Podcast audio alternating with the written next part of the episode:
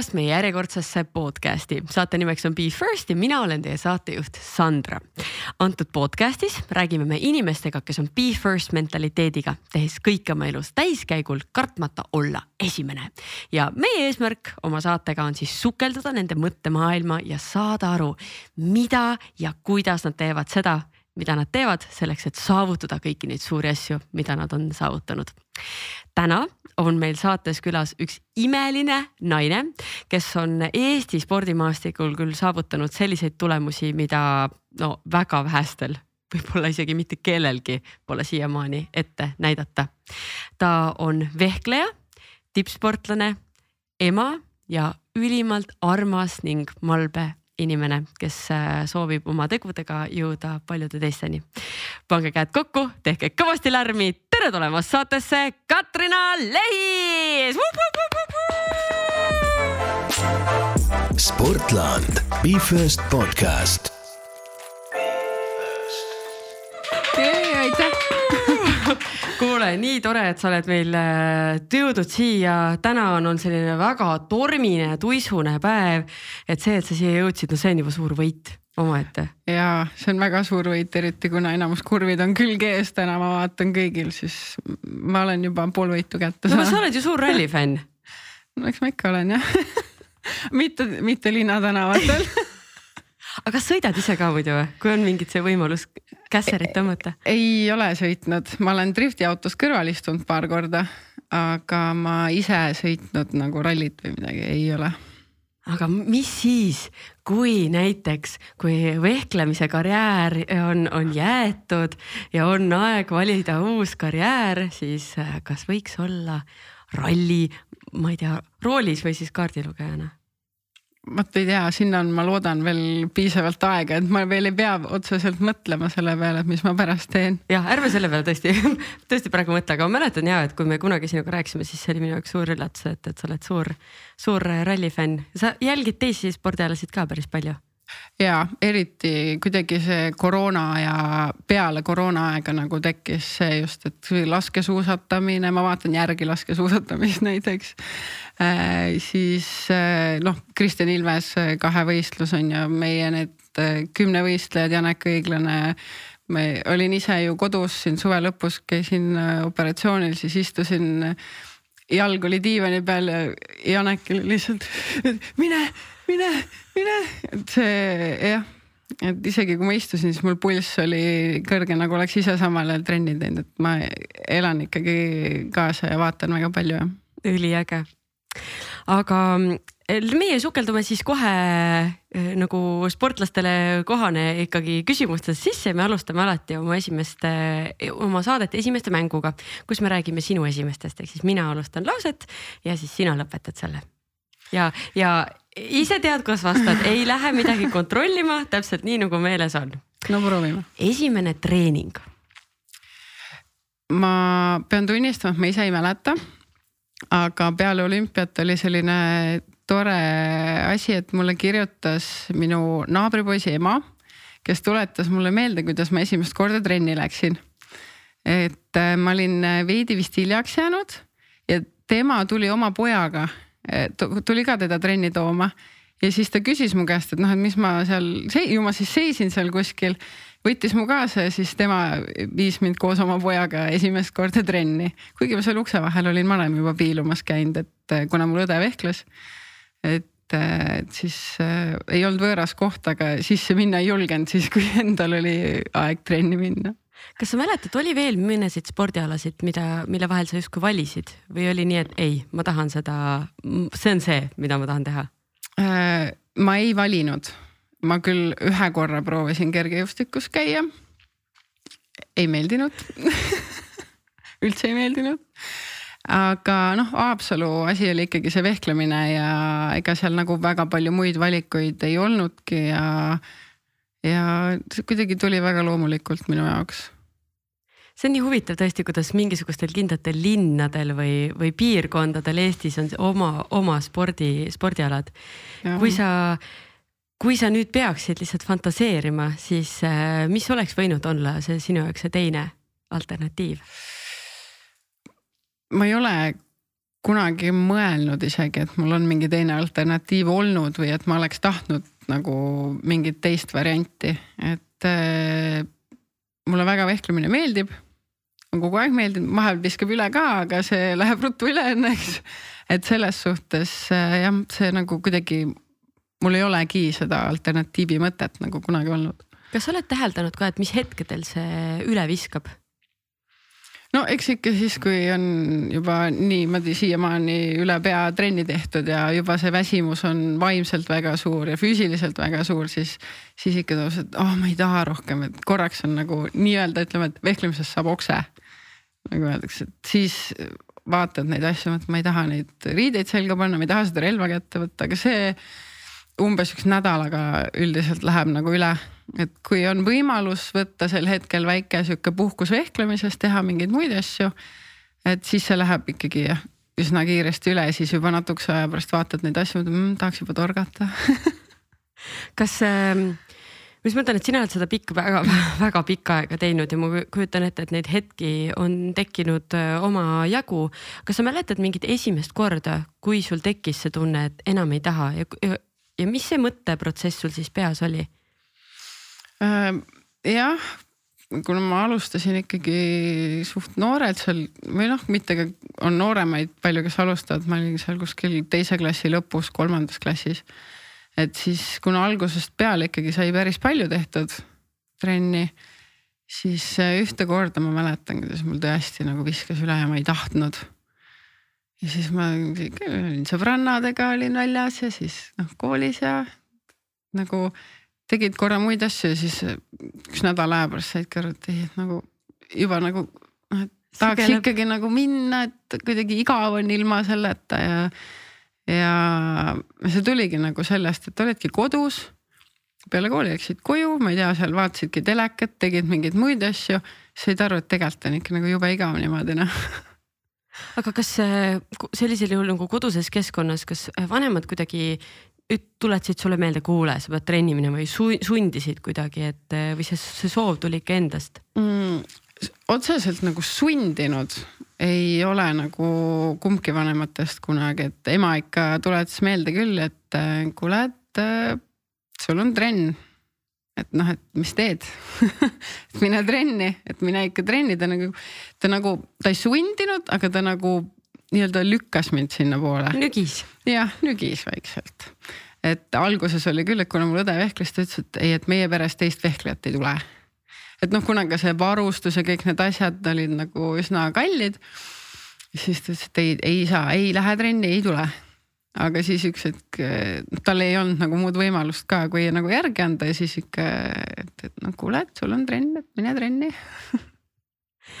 no ma kujutan ette, et äh, nii vehklemises kui ka vanemate käest sa oled saanud äh, päris palju õppetunde, nii, nii häid kui ka võib-olla mitte nii häid. Äh, kui sa pead mõtlema oma esimese õppetunni peale, siis mis see oli oh,?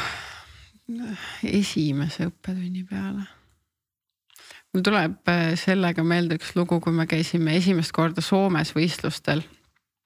me olime üsna noored ja siis muidugi noh, meie jaoks suur sündmus, siis üks teine trennikaaslane tuli veel minu juurde ööseks, hommikul sealt koos läksime ja noh, noored ja rumalad nagu me olime, siis me võtsime muidugi hullult süüa endale kaasa.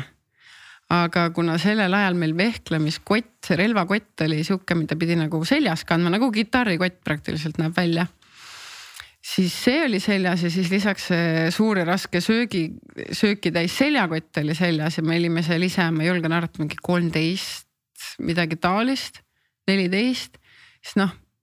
ja Soomes oli seda trammidega sõitmist nagu päris palju. siis üks hetk me saime nagu päris piinlik oli või sihuke nagu öeldi meile, et noh, et miks te tassite nii palju asju kaasas nagu, et see oli nagu sihuke Äh, esimene õppetund, et noh, et ära tassi rohkem asju kaasas, kui sa suudad ära kanda, et see oli ikka nagu meeletult raske, kuidas me neid asju tassisime. aga see oli siis sellepärast, et? me ööbisime ühes vehklemissaalis madratsite peal ja kõik võtsid endale ise nagu söögi kaasa, et me sealt nagu koha pealt ei ostnud, kõik seal noh ikka mingid kiirnuudlid ja siuksed asjad olid sel ajal nagu täiesti tavaline võistluste aegne toit, mingid need isegi vist mingid sorti pudrud olid sel ajal juba olemas. aga no me võtsime seal igast mingeid jogurtipakke kaasa ja noh, ikka panime üle võllitäiega, et nagu pärast seda ma sihukest asja enam teinud ei ole, ma võtan küll palju asju, kui ma lähen laagrisse, aga ma alati mõtlen viis korda läbi, et, et noh, ma saan aru, et ma pean need ise ära ka tassima. Kas on, kas sul on mingid kindlad asjad, mis ilma milleta sa nagu, nagu sada protsenti laagrisse ei lähe mm,? no välja arvatud relv ja siis. no vehklemisasjad äh, kindlasti, aga üks asi, mis on saanud selliseks, on seesama kohvitops näiteks, mis mul laua peal on siin mm.. et äh, mul on neid mitu, aga üks nendest äh, rändab minuga alati kaasa, sest mulle hullult meeldib, kui mul on oma tops. mul on mugav, ma tean, et mul on alati sinna, noh, mul on hea ühesõnaga seda sinna kaasa võtta. et see on nagu üks sihuke asi, mis on jah, sihukeseks must have nagu saanud. noh, eks neid asju on kindlasti veel, aga kui ma seda nägin, see oli esimene asi, mis meelde tuli. kas see on nagu emotsionaalne otsus, et sa tead, et sul on mingi tuttav asi või see on kuidagi ka keskkonnaga seotud või? no eks keskkonnaga ka selles mõttes, et ma ei, ma ka Eestis lihtsalt niisama olles kannan seda nagu enamasti ikkagi kaasas, et ma väga ei osta nagu tanklast endale, kui ma ostan kohvi, siis seda äh, seda ühekordset topsi nagu, et ma pigem ikkagi võtan selle sisse. Aga sellel on kuidagi nagu, see on mulle nii harjumuseks saanud, et mul on see tops, mul on nagu see tuttav, see on mugav ja, ja see jah, kuidagi nagu automaatselt juba tuleb mulle kaasa, et ma kujutan ette, et tippsportlastele tegelikult need harjumused on, on, on väga toetavad ja ikkagi peab, peavad olema mingid asjad, mida sa teed iga päev, ma ei tea, iga nädal, iga kuu. mis on sinu veel siis sellised põhiharjumused, mis sind toetavad? nojah, üldiselt öeldakse, et sportlasel see rutiin nagu on äh, rutiin aitab sportlast kaasa väga palju, ma ei saa öelda, et ma olen väga suur rutiini armastaja. et äh, ma ei ole selline, kes planeerib endale nädalaid, kuid, aastaid ette. et äh, ma ei suuda isegi nädalat aega endale konkreetselt ette planeerida. et äh, see kuidagi ei sobi mulle, et see tekitab minus kohe sellist nagu ärevust, ma olen nagu surutud mingite asjade vahele ja siis ma pean neid tegema ja siis see nagu ei lähe üldse.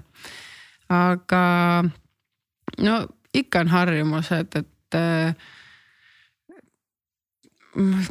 hea küsimus muidugi, kohe nagu ühtegi niimoodi pähe ei tule. nii aga... harjumusteks saanud, et ja, ei panegi tähele enam. võib-olla ei saagi aru, et see on nagu harjumus, et äh,, et kuidagi, mida ma muidugi muutsin tänu spordile, oli see, et ma hakkasin hommikusööki mingi hetk sööma nagu vägisi. et ma, kuna ma olen sihuke suht äh, öökull, ööarmastaja, et mulle ei, mulle ei meeldi väga vara magama minna tegelikult siis äh, mida hiljem lähed, seda vähem on hommikul kõht tühi. sihuke väsimust rohkem ja kõike siis äh,. muidugi mitte, et ma saaks väga hilja magama minna, sest hommikul on trenn üsna vara, aga, aga üks hetk jah, ma hakkasin ikkagi nagu sunniviisiliselt endale hommikusööki nagu tegema ja ma arvan, et see on nagu praegu üsna harjumuseks saanud, ma ikkagi hommikul kindlalt nagu söön. kas sa sööd enne trenni või sööd, ma ei tea pärast trenni kohe, et kuidas sul see on?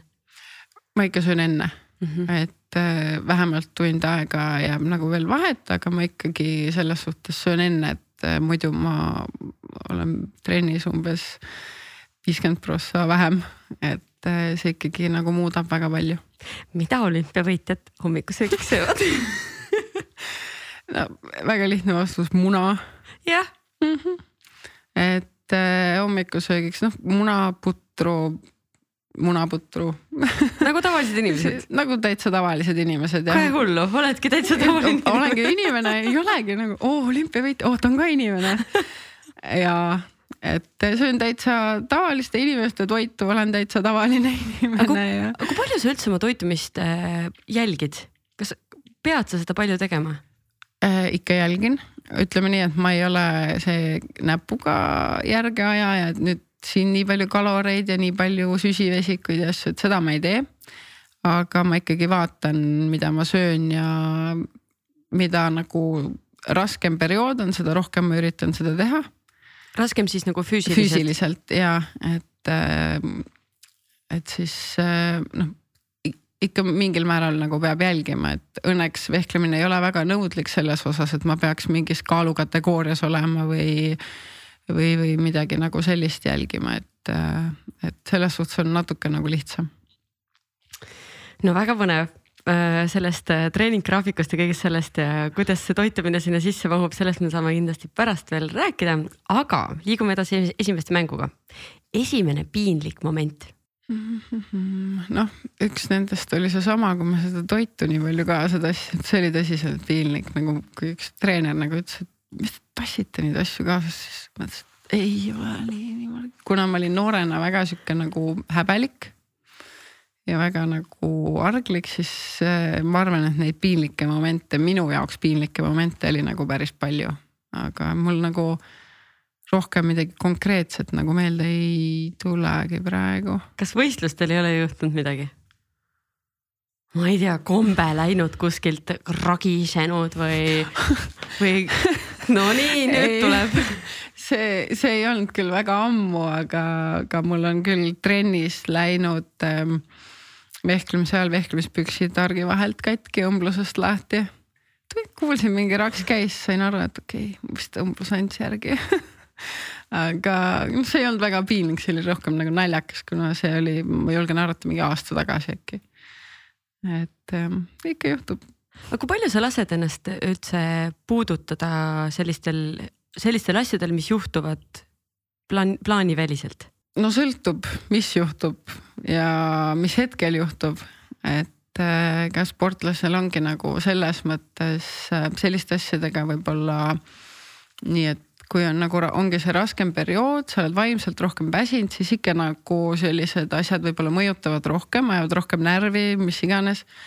Aga noh, samas kui ma ikkagi nagu saan aru, et ma ei oleks sinna nagu mitte midagi teha saanud ja see asi lihtsalt nagu juhtus, ma ei tea, mingi lend lükati edasi või tühistati või noh ma ei saa sinna mitte mm -hmm. midagi teha ja mul ei ole nagu mõtet sellepärast otseselt ka stressi minna, et ma üritan nendest, ma olen õppinud nendest asjadest nagu mööda vaatama lihtsalt. ehk siis sa varasemalt ei ole olnud selline, pigem oled nagu hing, hinge võtnud ja? Jah, ma ei ütleks, et hinge võtnud, aga mingil määral ikkagi rohkem võib-olla mõelnud nende asjade peale ja nii-öelda oma energiat nende peale kulutanud, aga kuidagi ma võin öelda viimase kolme-nelja aastaga ma tunnen, et ma olen nagu ise muutunud päris palju. et ma olen nagu kasvõi seesama asi, et ma nagu ei stressa enam nende pärast, ma lihtsalt saan aru, et noh, okei okay,, on nii, siis on nii ja ju siis nii pidi olema. Et kui mina sinna nagu mitte midagi teha ei saanud, siis noh, las olla. aga kuidas sa jõudsid selleni? et sa lõpuks niimoodi mõtlema hakkasid, sest et ma arvan, et see on väga paljude inimeste jaoks äh, suur probleem ja takistus ja selline stressiallikas see muretsemine ja just muretsemine asjade pärast, mida me ei saa enam muuta, sest need olid juba minevikus või ka ette muretsemine. ja, no jah, ma arvan, ma olen sinuga nõus selles suhtes, ma arvan, et see on väga suur probleem aga see ongi lihtsalt kogu aeg nagu iseendaga, põhimõtteliselt iseendaga rääkimine, noh mitte küll ei pea seda valju häälega tegema, on ju. mõnikord omaette võib seda ka muidugi teha, aga selles mõttes ikkagi iseendale nagu öelda, et noh, et noh, toomegi selle lennu näite, et noh, ma ei saa sinna mitte midagi teha, okei okay,, selle, tänu sellele võivad ka mõned teised plaanid muutuda. aga ikkagi noh, mitte midagi ei ole sinna teha ja selles mõttes tulebki endale öelda, et äh, nii on ju siis, ju siis pidi nii minema. ja selliseid asju nagu iseendale nagu läbi mõelda iseenda peas et kas ma oleks saanud midagi teha, kui ma ei saanud, et miks ma siis nagu lasen ennast sellest nii väga häirida ja noh, see nagu aitab väga palju, kui ise, ise neid asju läbi mõelda. kas kas see on sarnane praktika, mida sa teed ka kaotuste puhul? Ja kuidas sa nendest üle saad mm.? no ütleme, kaotuste puhul need häirivad mind kindlasti tunduvalt kauem. aga ma ei, ma ei ütleks, et ma olen kõige nagu sellisem kes mõtleb nagu väga kaua põeb kaotusi siis nagu läbi. Et äh, üks-kaks päeva on ikka noh kehv olla on ju, mõtled seal vaikselt, aga samas saad aru, et okei okay,, et ma tegin seda, võib-olla oleks võinud teha teistmoodi, tegin natuke valesti, et seda nii ja naa. et äh, kindlasti ma mõtlen need asjad läbi jah, et äh, kaotused õpetavad kahjuks või õnneks rohkem kui võidud ja selles suhtes, kui tuleb see kaotus, siis tuleb sellest võtta maksimum, mis sealt sellest negatiivsest nagu võtta on, et, et ikka tuleb läbi mõelda ja analüüsida, mis ma tegin, kuidas ma saan seda muuta või kas ma pean midagi nagu trennis muutma, iseenda mingeid asju paremaks muutma. või siis natuke tuleb mängu ka see, et või oli lihtsalt väga halb päev aga ma mõtlen, et seda, seda võib ju tegelikult juhtuda päris tihti, et lihtsalt oli halb päev nagu erinevate ma ei tea, olukordade kokkulangemine, sul oli halvem ja su vastasel lihtsalt oli väga hea päev, et äh, juhtub ikka. juhtub, no vehklemises ongi, sul on oluline seal distantsitunnetus, otsatunnetus. mis, mis tähendab otsatunnetus? noh, kui sul on relv käes, siis sul on see vehklemine, relva ots mm. -hmm et mis siis selle torke fikseerib, aga kui sa ütleme, ei ole väga hea see tunnetus käes, siis nagu sõrmedest ja sealt nagu tuleb. siis väga palju selliseid torkeid, mis muidu võib-olla läheks pihta, lähevad äkki mööda, ei lähe põlema, jääb natukene sellest jõust nagu puudu. et äh, see on nagu see otsatunnetuse pool, et äh, võib-olla lihtsalt kuidagi on väsinud olla. eelnev, eelmine öö, kas ei saanud magada või siis kuidagi uni oli lihtsalt rahutu või noh, mis iganes see nüanss seal on, on ju et tegelikult väga väike asi võib muuta järgmisel päeval seda esitust. et äh, neid asju tuleb ette ja kui sul ikka seda tunnetust ei ole, siis sa pead lihtsalt nagu raskelt äh, mingit lihasmälu pealt neid asju tegema ja noh, see, see võib äh, üsna kiirelt lõppeda kaotusega. kas sul on mõni võistlus meeles, kus sa tundsid, et sa ei ole päris sina ise, et ei ole kõige parem päev, aga lihtsalt tahtejõu ja distsipliini ja selle, selle lihasmälu pealt lihtsalt läksid ja tegid ära. jah, ma arvan, et äh, üks selline oli Barcelona MK-etapp kaks tuhat kakskümmend aasta veebruaris, ma võitsin selle võistluse. Ma sain, ma vehklesin alagrupi, meil top kuusteist on otse kuuekümne nelja hulgas mina ei olnud selle hulgas, mina pidin alagruppi vehklema.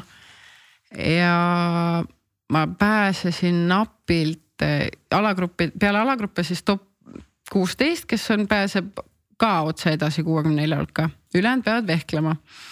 ja ma olin viimane, kes pääses eh, kuuekümne nelja hulka otse, et ma ei pidanud vehklema.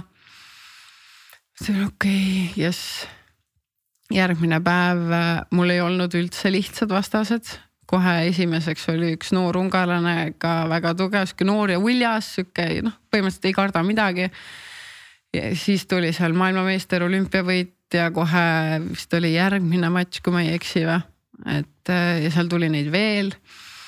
et see oli see päev, kus ma lihtsalt nagu hammastega hoidsin nagu kõigest kinni ja ma ma ei tea, kuidas see õnnetus, õnnestus, sest ma esimese matši võitsin ühe torkega mis on siis see lisaajal see viimane torge.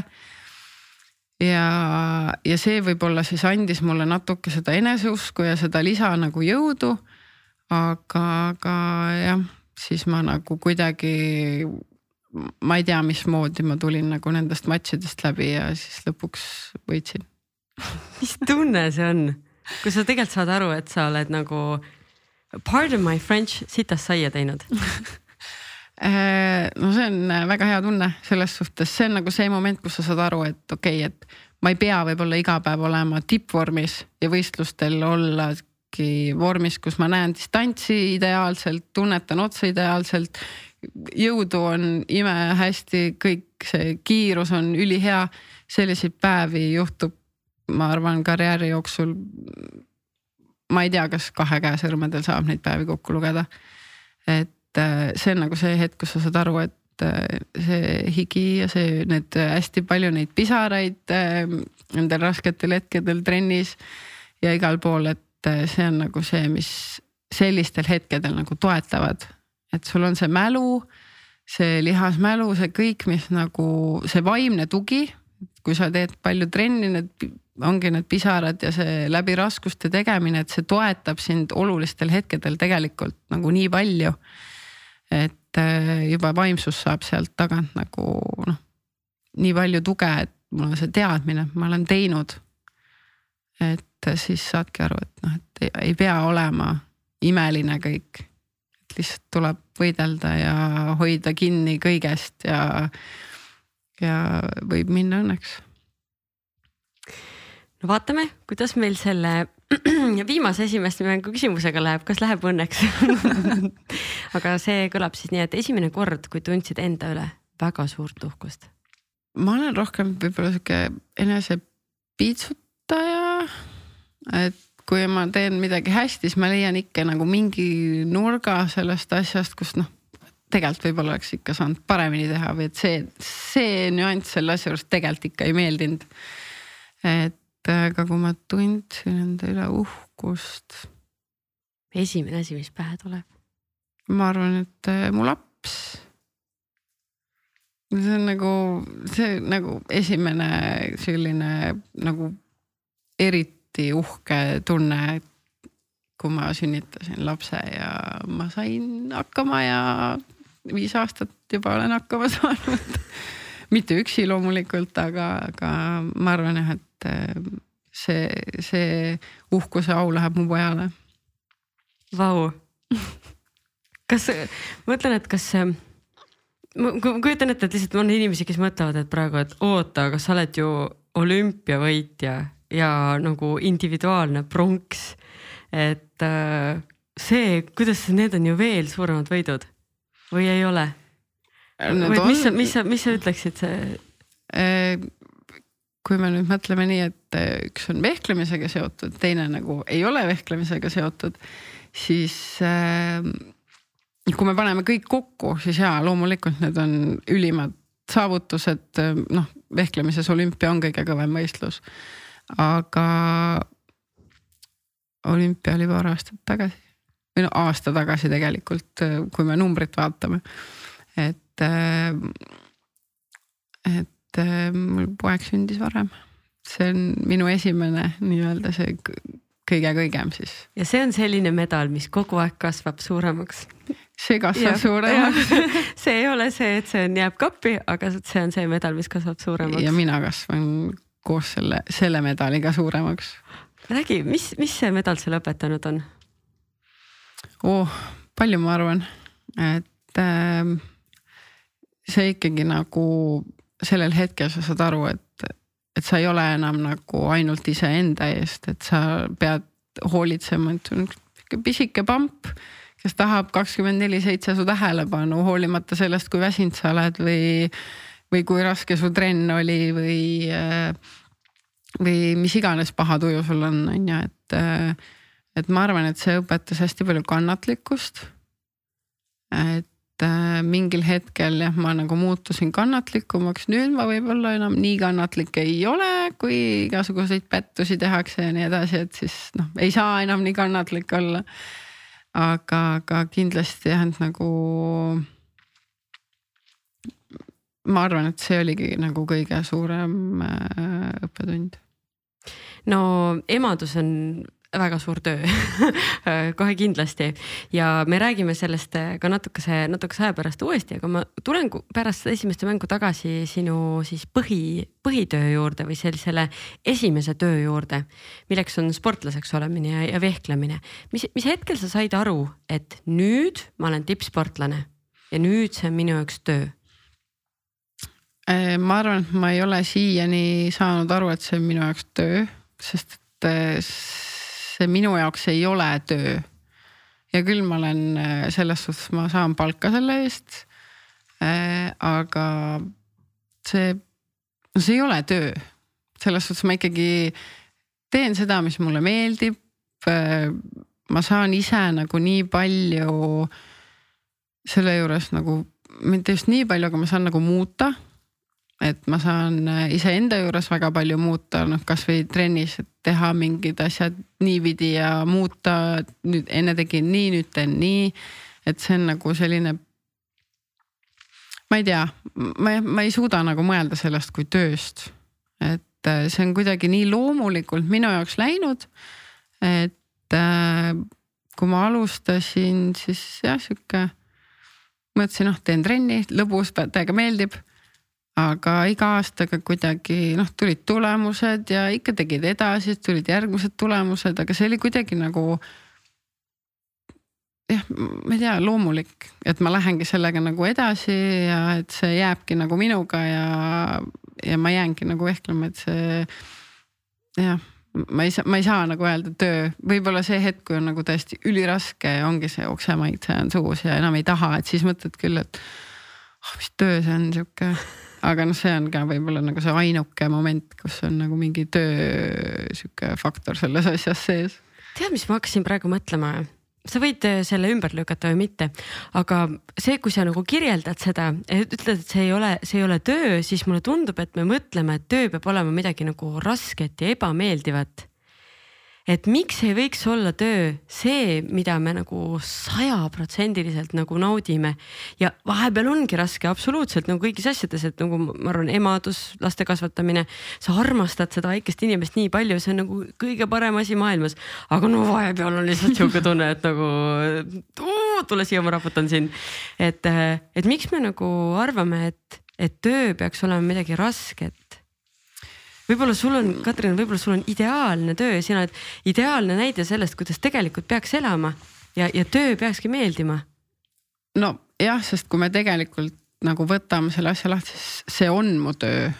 ma saan selle eest tasu, mul on leping, see on mu töö. aga kõik ongi, ma arvan, see, kuidas sa nagu asjast mõtled. ja kui sa mõtled hommikul oh,, ma pean tööle minema, noh, see nagu juba paneb selle tooni nagu paika selle asja juures, et äh, kui sa ikkagi teed seda, mis sulle meeldib, sa arened, sa oled nagu iseendaga rahul, et sa saad seda teha. see ei tekita, okei okay,, aeg-ajalt ikka tekitab seda tunnet, et oh, mis asi see on, ma ei taha, see on nii nõme, mul ei tule niikuinii mitte midagi välja. see on nagu täiesti loomulik, aga kui sa ikkagi nagu enamuse ajast saad aru, et noh, et see on ikkagi äge ja mulle, mulle see nagu meeldib ja ma armastan seda, mida ma teen siis äh, noh, siis see ongi õige, ma ei tea, mhm. miks seda me ei nimeta tööks. pigem on see nagu mingi see, noh, ongi see, et on töö ja siis on see, et aga ma armastan seda, mida ma teen, et nagu kaks eri asja, kuigi tegelikult see on üks ja sama mm. -hmm. et äh, jah, millegipärast see töö on jah, selliseks nagu natuke nagu negatiivseks sõnaks muutunud. Kuigi. brändime selle sama. ümber nõus. päriselt ka, ei, see on jumala hea point, ma, ma nagu, ma ei ole selle peale niimoodi kunagi mõelnud, et ja ma olen varem ka kuulnud, et inimesed, kes nagu sa näed, sa vaatad peale, sa saad aru, et ta naudib seda, mida ta teeb. aa, see ei olegi nagu mu töö, et see on nagu, see on noh, nagu justkui nagu hobi on ju, et. no tegelikult noh, võtame nagu paberi peal lahti, see on töö yeah.. leping, allkiri, palk mm, -hmm. kõik aga Oi. me ei nimeta seda tööks. naudi Lihtsalt... seda, naudi oma tööd oo, ma naudin aga kui me räägime sinust kui äh, töötajast, kui sportlasest, siis äh, kas sa oled mõelnud selle peale, et mis on sinu mõtteviis või mis on sinu mentaliteet, kas sul on mõningi selline mingi asi, mis sind kannab või mingi mõtteviis, mis sind kannab ja sa saad aru, et jah, see on, see on minu nagu mindset, minu mentaliteet sportlasena? ma arvan, et see on ka võib-olla muutuv ajas natukene. et ähm, ma arvan, et see minu jaoks muutus päris palju, see mentaliteet peale seda vigastust suvel. et äh, alguses oli sihuke täielik nagu segadus minu enda jaoks, et noh, et kuidas nagu nii juhtus. aga peale seda nagu noh iseendaga muidugi pidi väga palju tööd tegema, et see mentaliteet nagu positiivseks muuta uuesti. aga praeguseks ongi ikkagi nagu jälle see, tuleb õppida oma vigadest. tuleb teha analüüs, mis läks valesti, kuidas läks valesti, mida oleks võinud teha või mida saaks nagu järgmine kord pigem vältida, mitte et mida oleks võinud teistmoodi teha. et äh, ma taaskord nagu mõtlen, et noh kui nii läks, siis järelikult nii pidi minema. ma olen ise aru saanud, miks nii läks. ja see ongi nagu minu mentaliteet praegu, et proovida olla hetkes ja aru saada õigel hetkel, millal enough is enough ja kasvõi nagu võtta nii-öelda valel hetkel see mm, hoog maha ja anda see väike puhkus või mis iganes, mitte nüüd sajaprotsendiliselt. aga jah, väike sihuke time out teha ja, ja, ja et see nagu mitte minna kahesaja protsendini. Mhm. et, et jah, et ma nagu proovin olla hetkes ja aru saada, millal on palju, millal on vähe. Ja nagu analüüsidagi asju õigel hetkel, mitte et ma pean seda tegema pärast, kui on juba. see nii-öelda tagajärg, see mõtlemine mm. -hmm. aga mis siis juhtus? laagris vehklesin ja kolmkümmend sekundit oli veel vehelda ja tegin äh, tagumise, meil on vehklemises esimene jalg ja tagumine jalg mm. -hmm.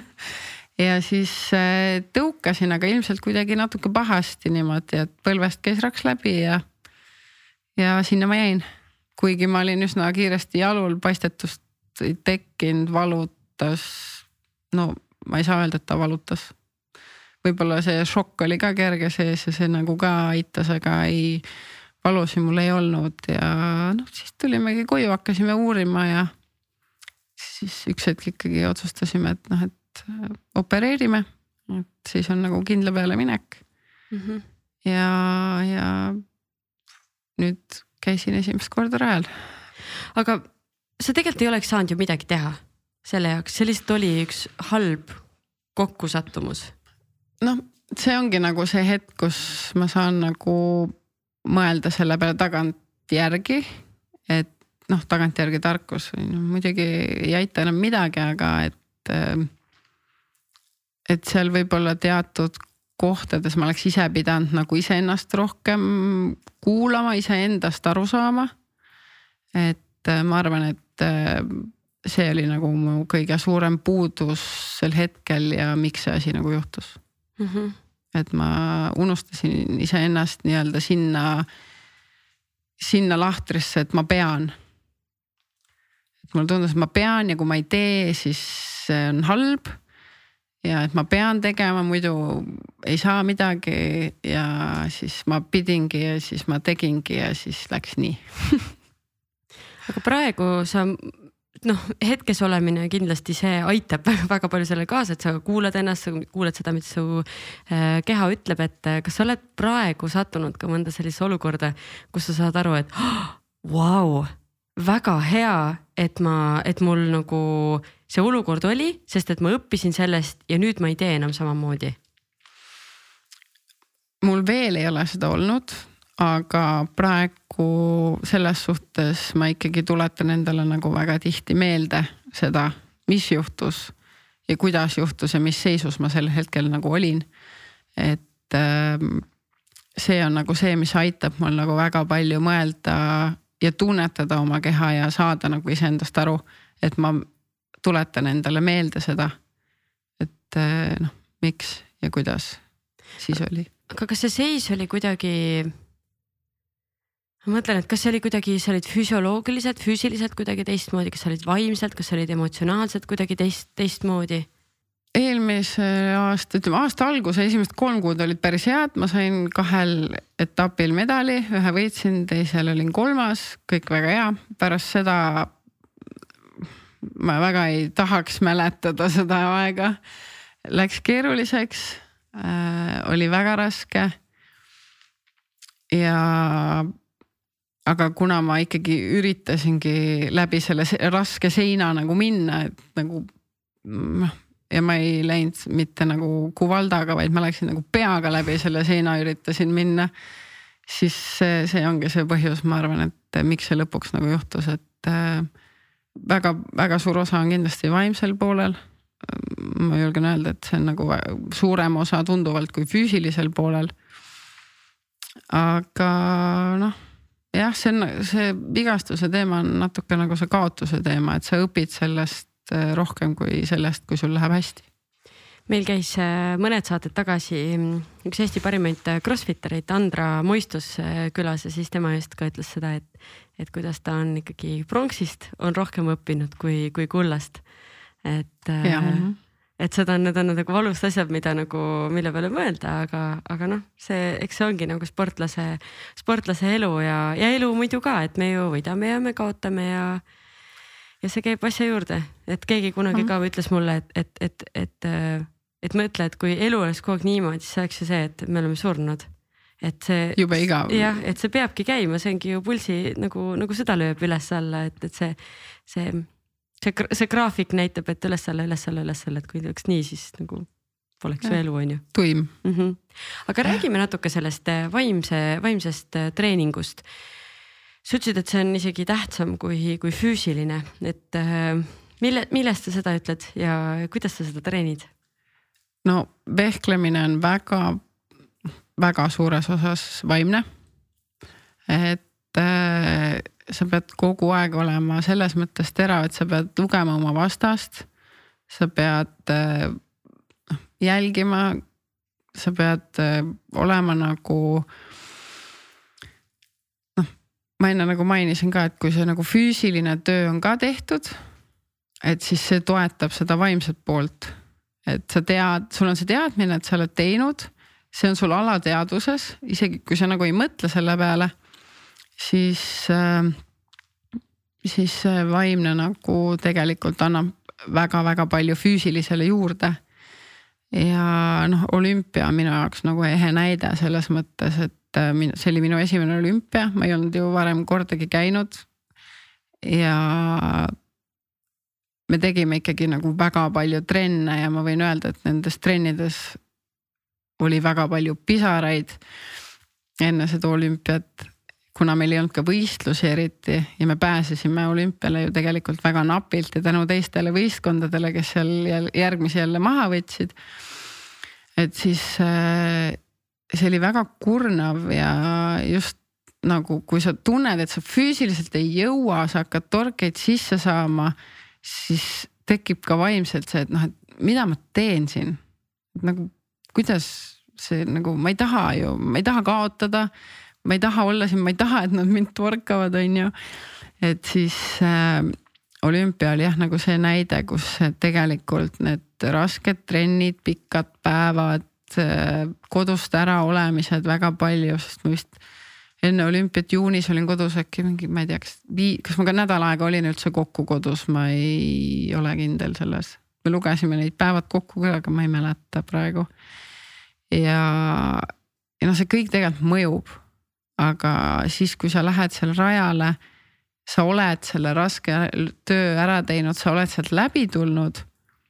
siis sa justkui nagu ei mõtle nendele asjadele või sul ei, sul ei tule isegi pähe seda mõtet, et, et noh, et ta torkas mind, et oh-oh, et ta sai nüüd punkti. et äh, ma võin kaotada või et ta võib mulle järgi jõuda seisuga või et, äh, või et ta läks nüüd paari torkega ette, et oh, ma võin nüüd kaotada. ei, sa lihtsalt oled, sa näed ainult vastast, sa teed ainult oma asja ja see on nagu see vaimne on, noh, see füüsiline ongi sellele vaimsele nagu siukse rahu andnud nii-öelda mm. -hmm. sa oledki seal rajal ja sa teedki nagu, sa näedki ainult vastast, mitte midagi muud ei näe ja lihtsalt teed. siis nagu jah kas sa ütled endale midagi enne rajale minekut ka, kas, kas sa, kas sa räägid endaga kuidagi? Äh, ma olen rääkinud endaga maski all valju häälega. jah ja olümpial ma rääkisin endaga, ma rääkisin olümpiafinaalis viimases matšis endaga, ikkagi nagu lugesin endale sõnad peale, et noh, et davai nüüd, et tee ära, et ära karda ja äh, et äh, kuidagi jah, seda on tulnud veel ette, mitte ainult seal. et aeg-ajalt äh, tuleb nagu ikkagi endale seda tuge anda natuke, et see kõlab nagu veidralt, mis mõttes nagu iseendaga räägid endaga ja mingi.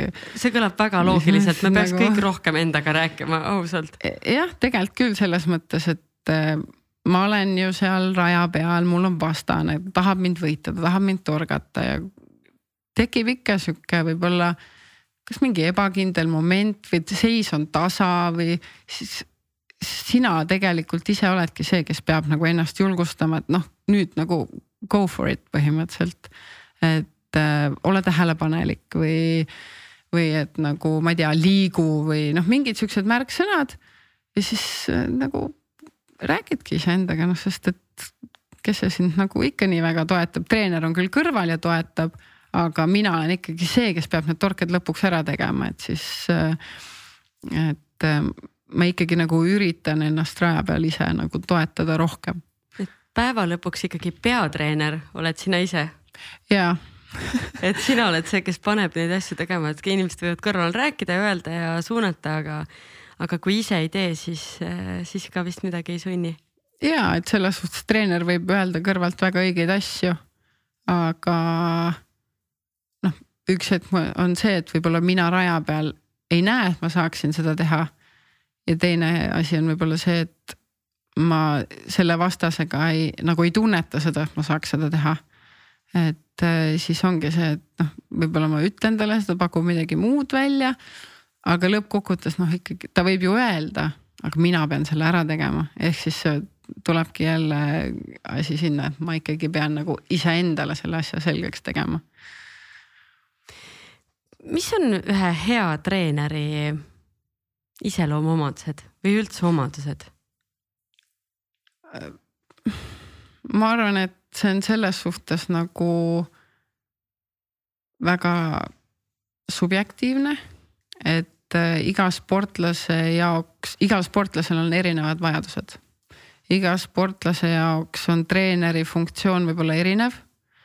Äh, selles mõttes just, et et äh, üks tahab rohkem, et treener räägiks raja kõrvalt, teine tahab võib-olla seda vähem. Mm, kolmas võib-olla tahab üldse üksinda vehelda raja peal, et ta ei tahagi, et keegi talle kõrvalt midagi ütleb. et äh, just nagu vehklemise näitel, et ma arvan, et treener peab oma sportlasest aru saama. isegi kui ta võib-olla ei taha seda mõnikord teha. et äh, et selles suhtes sportlane peaks üritama võimalikult palju mõista. treener peaks üritama sportlast võimalikult palju mõista ja vastupidi ka mm, -hmm. et see nagu üksteise mõistmine peaks olema noh, ikkagi nagu väga-väga hea. ja, ja ikkagi, kui õpilane nagu tunneb, et midagi on kuskilt äh, valesti või midagi on, et siis see on nagu see hetk, kus äh, peaks olema see kindlus, et kui ma nüüd treenerile räägin, et see on fine. et treener kuulab mu ära. ta võib-olla ei ütlegi mulle kohe midagi, aga ma tean, et ta kuulas mu ära, tal on see info nagu käes ja kas siis mõne aja pärast või millal iganes ta saab mulle öelda, et aga kuule, vaata, võib-olla nii hoopis. et jah, see nagu üksteise mõistmine ja see, et äh, et treener nagu tunneb oma õpilast, teab, mis hetkel, kuidas midagi teha. et need on nagu väga olulised ja mitte nagu ainult vaimse poole pealt, vaid ka noh, füüsilises ettevalmistuses, treener näeb, mis seisus on sportlane, mida peaks nüüd tegema võib-olla rohkem, mida nüüd vähem.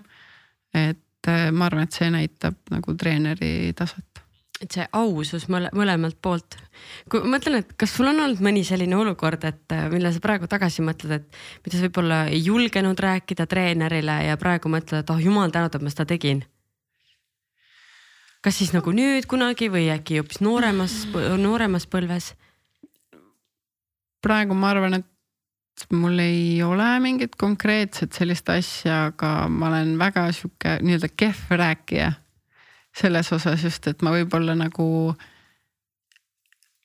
mida raskem treeningperiood mul on, seda vähem ma nagu tahan rääkida. kuigi ma saan mõnikord aru, et võib-olla ma peaks just rohkem rääkima. et see aitaks nagu mult endalt võib-olla seda pinget natuke maha võtta. et ma olen kasutanud ka spordipsühholoogi abi mitu aastat. et Äh, ja see, see nagu panigi mind mõistma, et okei okay,, et võib-olla ma ei taha, aga ma peaks rääkima. et äh, ma räägin ära, alguses ei ole nagu mitte midagi. saad aru, et noh, kõik on ikka samamoodi, et noh, miks ma siis nagu üldse räägin. aga see asi hakkab nagu vaikselt nagu kuidagi nii-öelda õlgadelt maha minema mm. -hmm. et niimoodi iga niimoodi minut, minut haaval tunned jälle, et ah, et okei okay,, et aga tegelikult läks ju nagu kergemaks või et ma rääkisin ja ma sain ise selle rääkimise ajal mingid vastused nendele asjadele või, või lihtsalt see, et ma rääkisin, tegi nagu kergemaks mm. -hmm et ähm, et äh, ma arvan, et mul on küll neid asju olnud siin nüüd eriti viimaste aastate jooksul. ja kui ma nüüd mõtlen, siis võib-olla olümpial, kui ma kaotasin äh, poolfinaali. Ja ma teadsin, et ma pean ju peale seda kaotust veel ühe korra ennast kokku võtma, mida üldiselt nagu individuaal nagu päeval meil ei ole mitte kunagi, sest meil on alati kaks kolmandat kohta, välja arvatud olümpial. ja see oli nagu see moment minu jaoks, et okei okay,, et mis nüüd saab. ja ma nägin, et Nikolai oli ka väga närvis.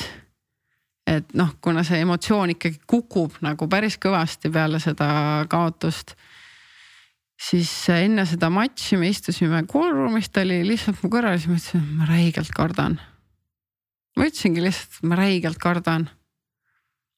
ma teadsin äh, seda vene tüdrukut, kellega ma lähen vehklema. mul oli olnud temaga raskusi enne päris palju. ja ma arvan, et see oligi nagu see, mis tõi mulle, et oh, et noh, ma ei tea, kuidas see läheb, ta on noor, uljas, ta võttis seal päris tugevad tüdrukud enne maha.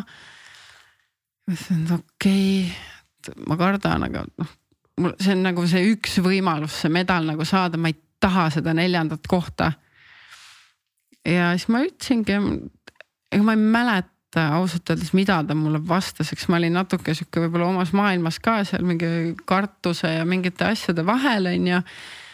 ja ma ei mäleta, võib-olla ta ise mäletab seda. Aga ma läksin rajale ja mul oli kergem. ma rääkisin talle ära. okei okay,, oli aeg minna, ma läksin. ja mul oli kergem. ma hakkasin vehklema ma läksin juhtima, teise aja alguses ma jäin taha, siis mõtlesin, no nii. siis see oli ka vist see, et kui ma ütlesin, et ma ei taha seda neljandat kohta, ma ei saa talle kaotada. ma arvan, et ma tegin seda valju häälega. ja, ja mul, aga minus oli ikkagi jälle see nagu rahu, see teadmine, see mingi enesekindlus, et ma tulen sellest ikkagi välja ja ma võidan selle.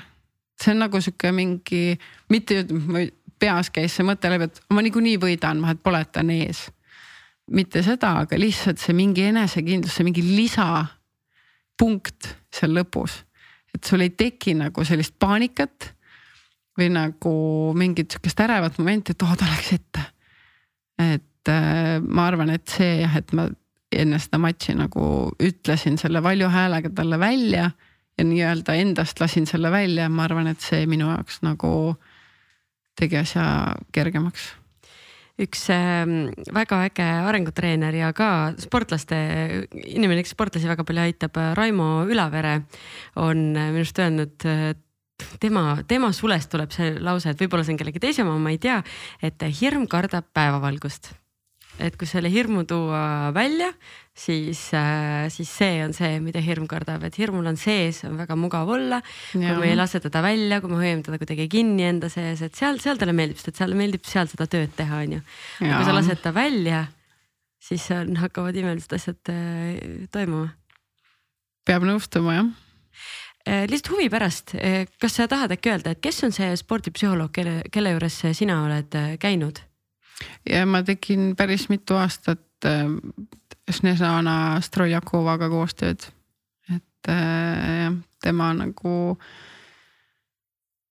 tema siis oligi see ilmselt, kes nagu tänu kellele ma lõpuks sain aru, et noh, et kui ma räägin, et siis juba see võib-olla iseenesest teeb kergemaks, kuigi ta ei pruugi mulle nagu mingit vastust mu küsimustele või mu jutule anda. aga lihtsalt see rääkimine ise nagu võib teha kergemaks.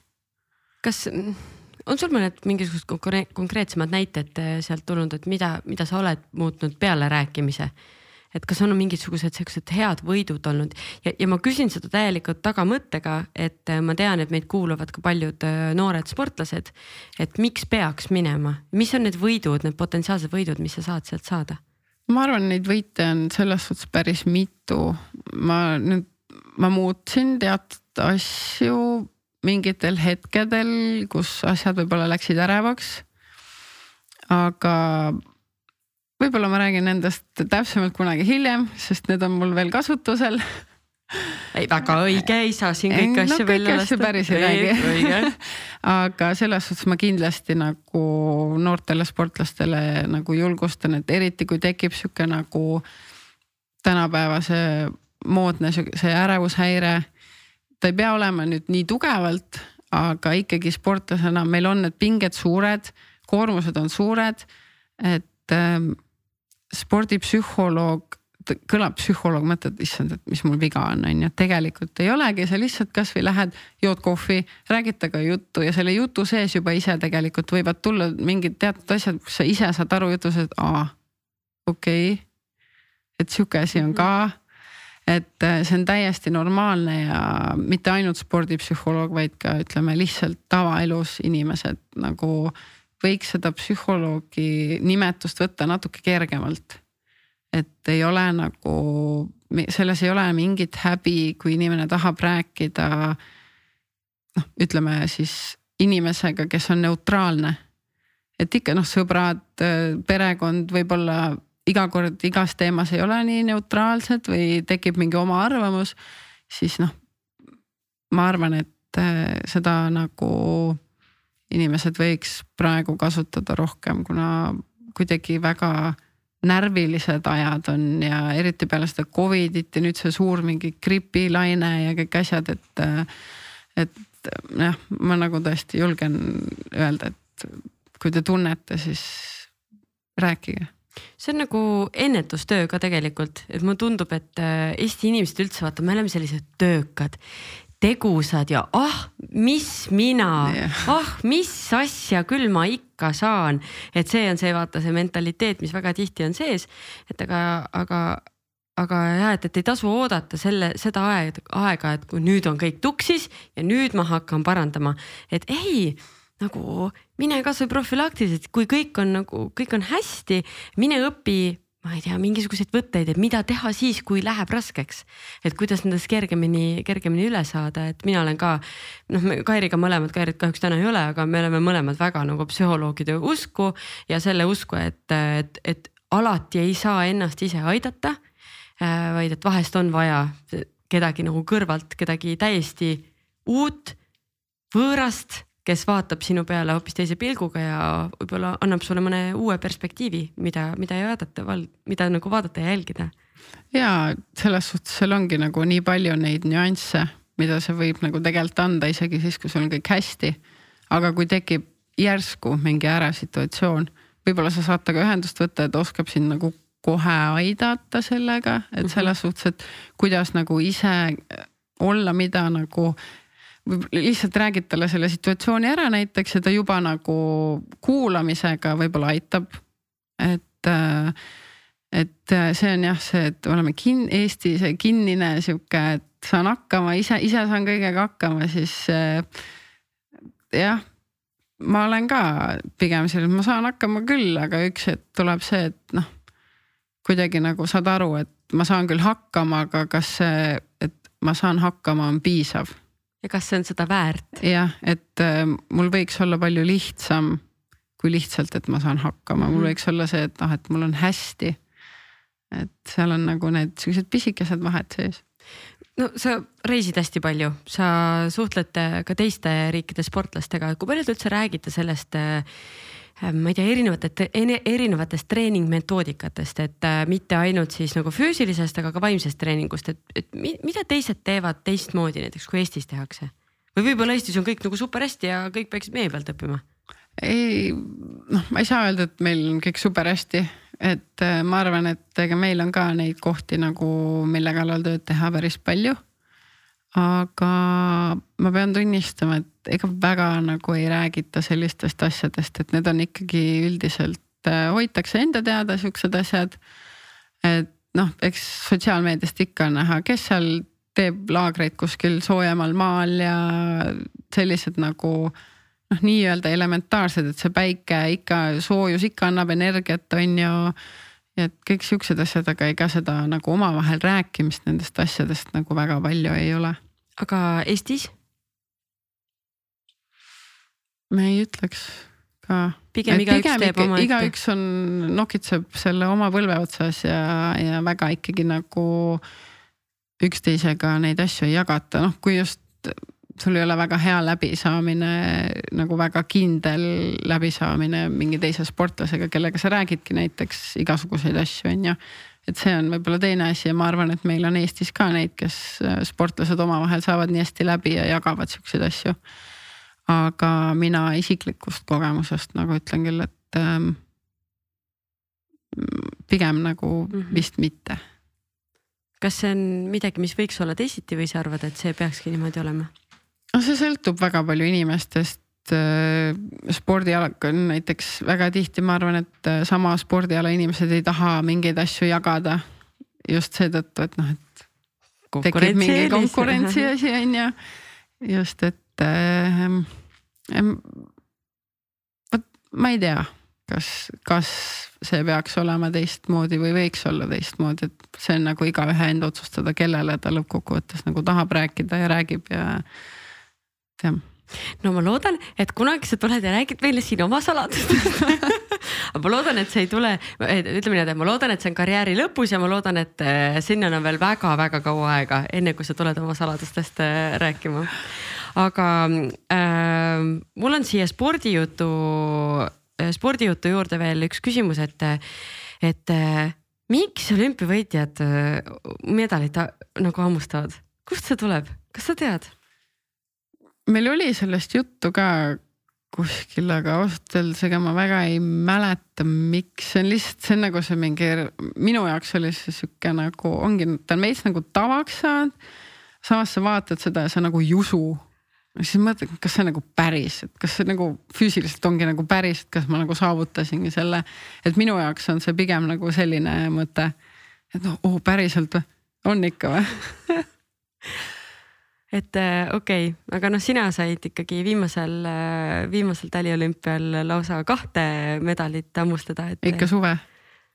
issand jaa, appi, ma olen täiega oma mõtetega talves, muidugi suve täitsa lõpp ah,. kus, aga huvitav oleks muidugi ka seda tali, talivehklemine oleks ka päris huvitav uiskudega võib-olla mitte nii väga. külje pealt see vist ei lähe väga hästi. kuidagi vehklemist oleks ilmselt raske natuke jah, kuskil uiskude peal või tali, talialane nagu teha, et õues oleks jube külm. okei okay,, mul on ikka, ikka see, äh, see talv on praegu nii peas, et äh, laseme seal talvel, talvel korraks ära minna. et aga ma tahtsin küsida ikkagi olümpia kohta veel, et ähm, kui see võidujoostus on peal ja see on, no see on meeletu, ma noh, need emotsioonid, mis teie pakkusite meile kui pealtvaatajatele ja kaasaelajatele. ma ei kujuta ette, mis emotsioonid siis veel teie enda sees võisid olla. kui, kui kaua need päriselt kestsid ja kui kaua sa nende pealt suutsid äh, purjetada? ongi, see ongi nagu niimoodi, et sa teed selle tulemuse, sa saad aru, et see on nagu see kõige kõigem on ju, kasvõi siis, kui ma olümpiapronksi võitsin, sain aru, et mul on olümpiamedal. ja siis natuke nagu ei saa ka aru, et sa mõtled, nagu päriselt või? ja siis ongi, et kõik, sa vaatad, kõik inimesed su ümber on nagu täiega ekstaasis on ju ja siis sa mõtled, jee, aga mis juhtus et äh, sul on nagu selline veits sihuke emotsioonide virvarr on nagu sees. et äh, noh, ühest küljest sa saad aru, et see on nagu nii, nii hea tulemus, et see on nagu nii mega. teisest küljest sa oled nii väsinud pärast seda päeva ja siis ongi, sul on nagu see ülihea tunne, samas individuaalis oli see nagu veits sihuke poolfinaali kaotuse sihuke kibestumus ka sees. aga siis ikkagi pärast seda ikkagi tuli see medal. ja siis sa nagu oled ja mõtled, et oh, mis toimub ja siis see adrenaliin on ka veel nagu nii kõva sees, et sa nagu seal ühe koha peal ei ole, siis sa muudkui tammud ühelt jalalt teisele või midagi nagu teed ja siis nagu oled ja see ei lähe nagu ära ja. see on hästi sihuke segaste tunnete hetk tegelikult. ja sama, kui me võitsime selle kulla, siis oli ka nagu päriselt või? et see on nagu see, mida kõik tahavad.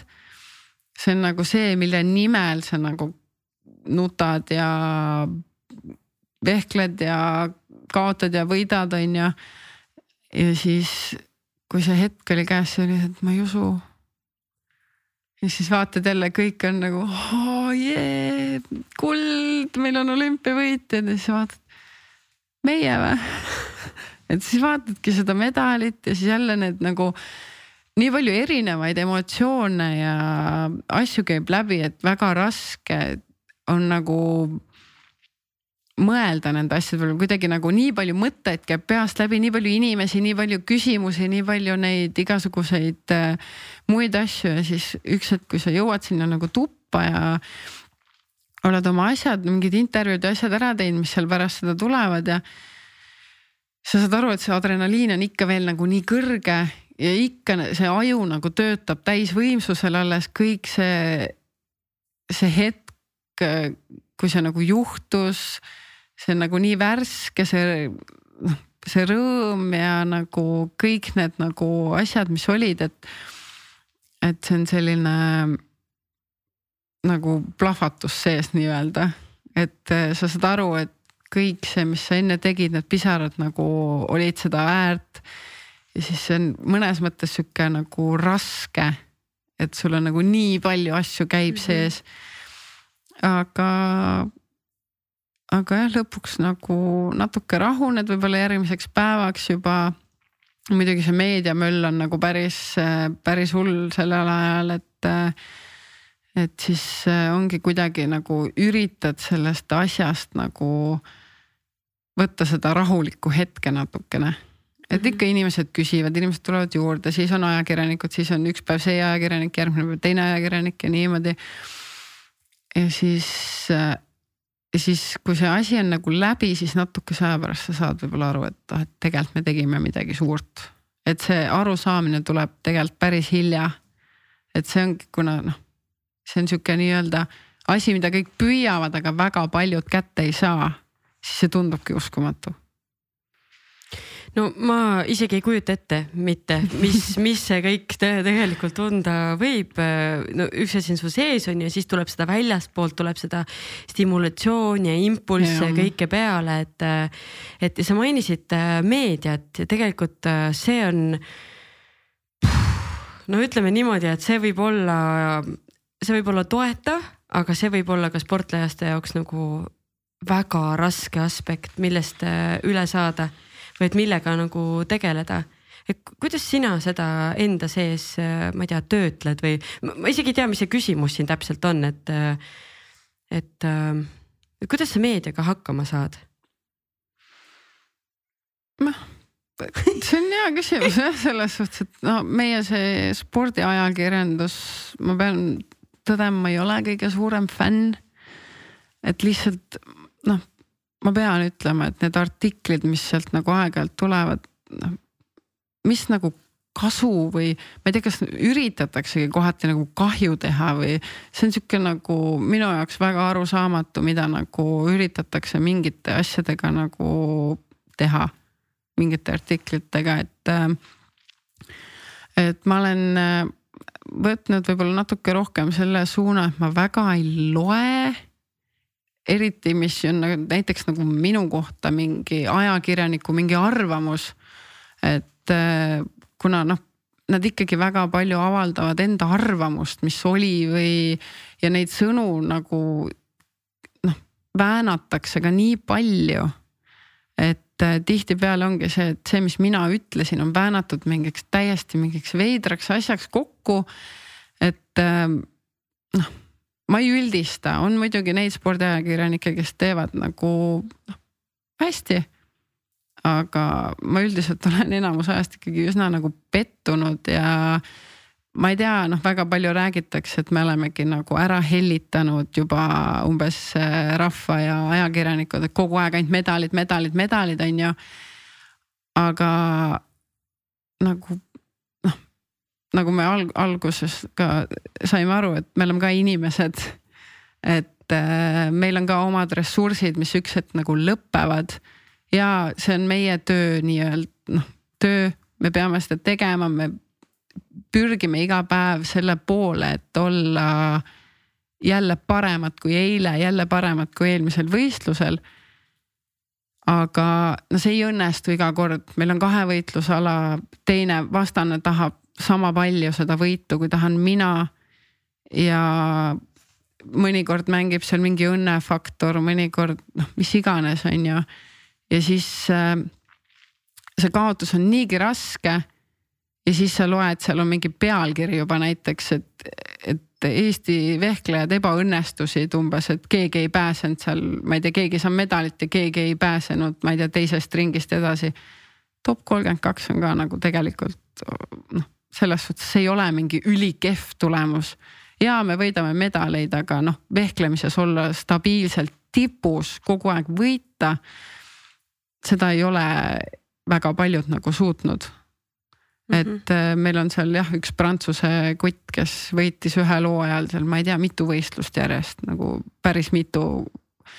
ja noh, on siukseid väikseid erandeid, aga samas jällegi ta võitis ja üks hetk ta ei jõudnud mitte kuhugi jälle sai seal esimese matši juba pähe seal kuuekümne nelja hulgas on ju. et kui me nagu iga kord peaks nagu lugema endast peale mingit kaotust, et noh, ei saanud hakkama või et ebaõnnestus või noh.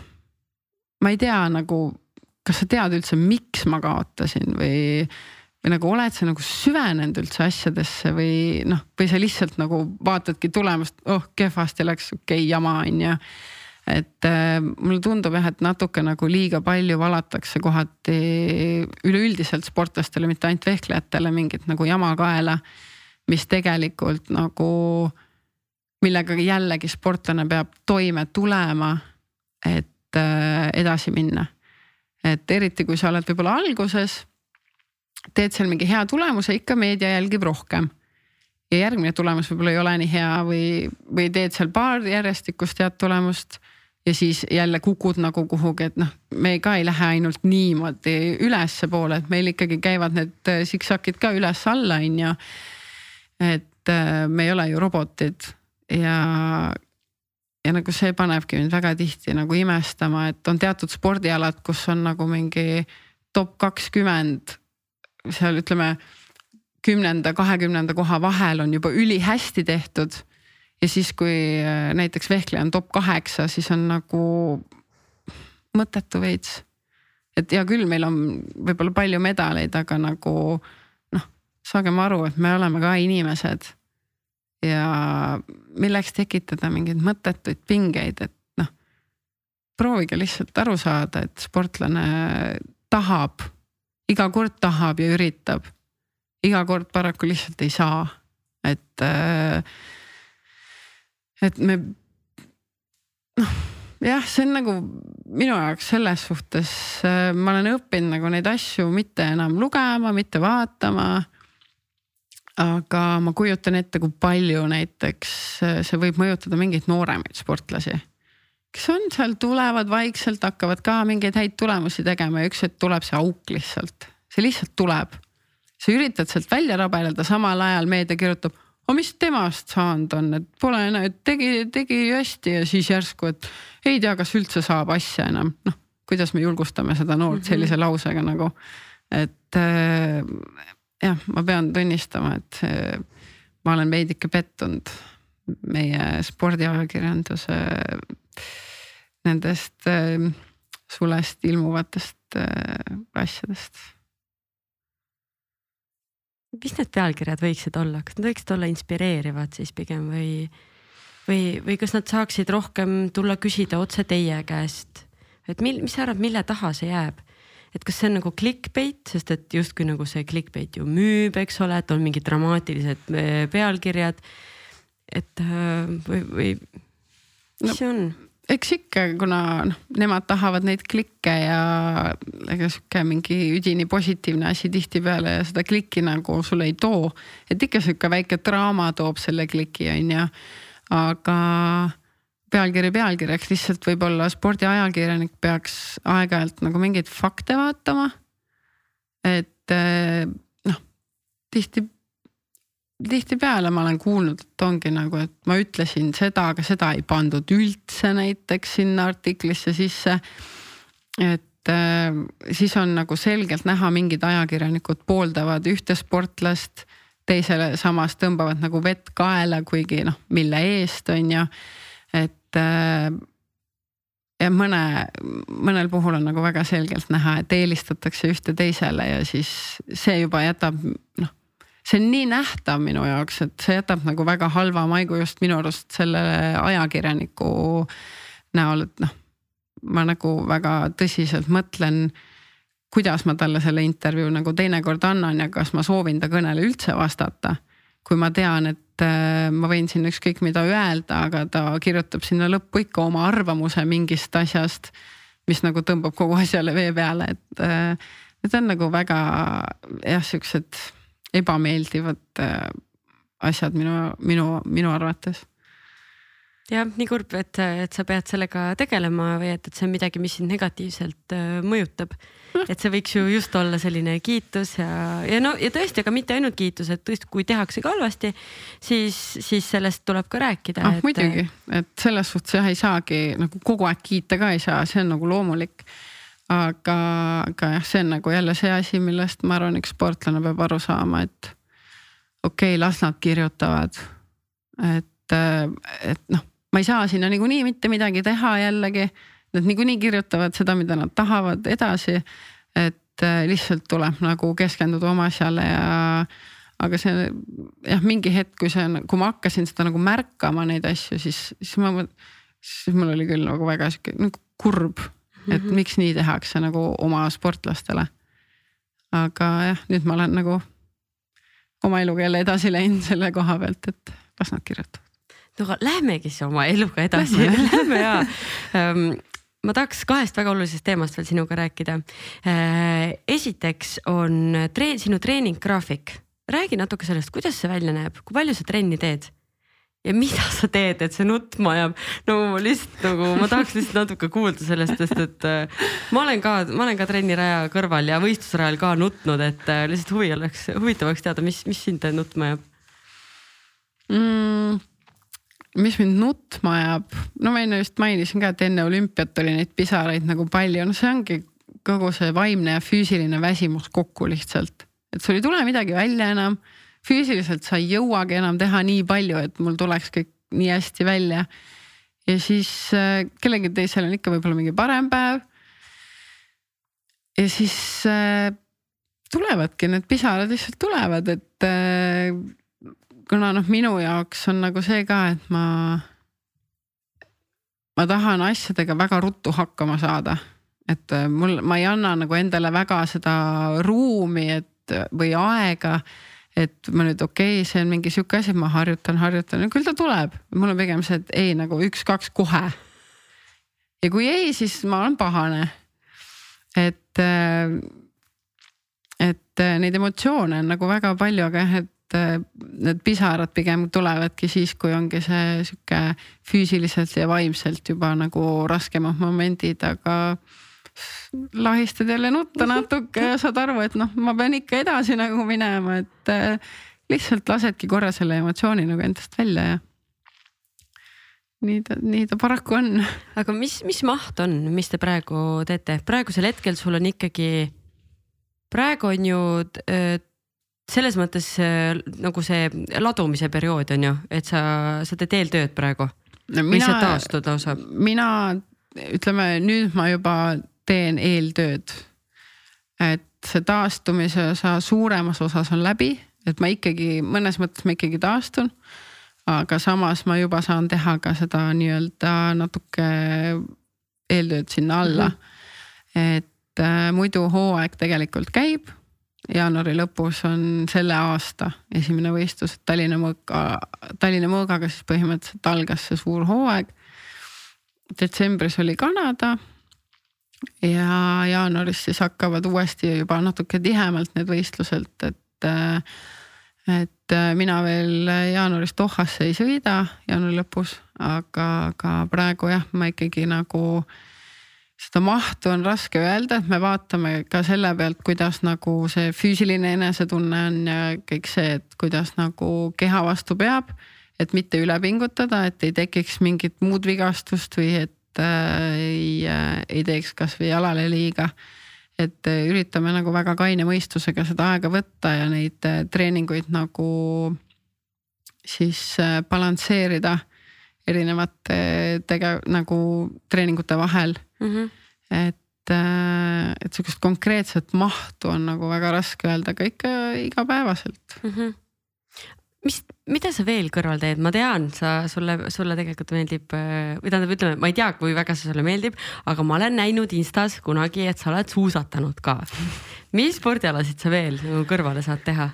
no suusatanud olen ma tegelikult ikkagi vähe, et äh, ja me siin ühe, ühes laagris võtsime kätte ja panime suusad alla ja tegime ühe trenni suuskadel, aga, aga noh ega seda aega väga nagu mingite teiste aladega tegeleda ei ole, et äh, ma teen üsna palju üldfüüsilist.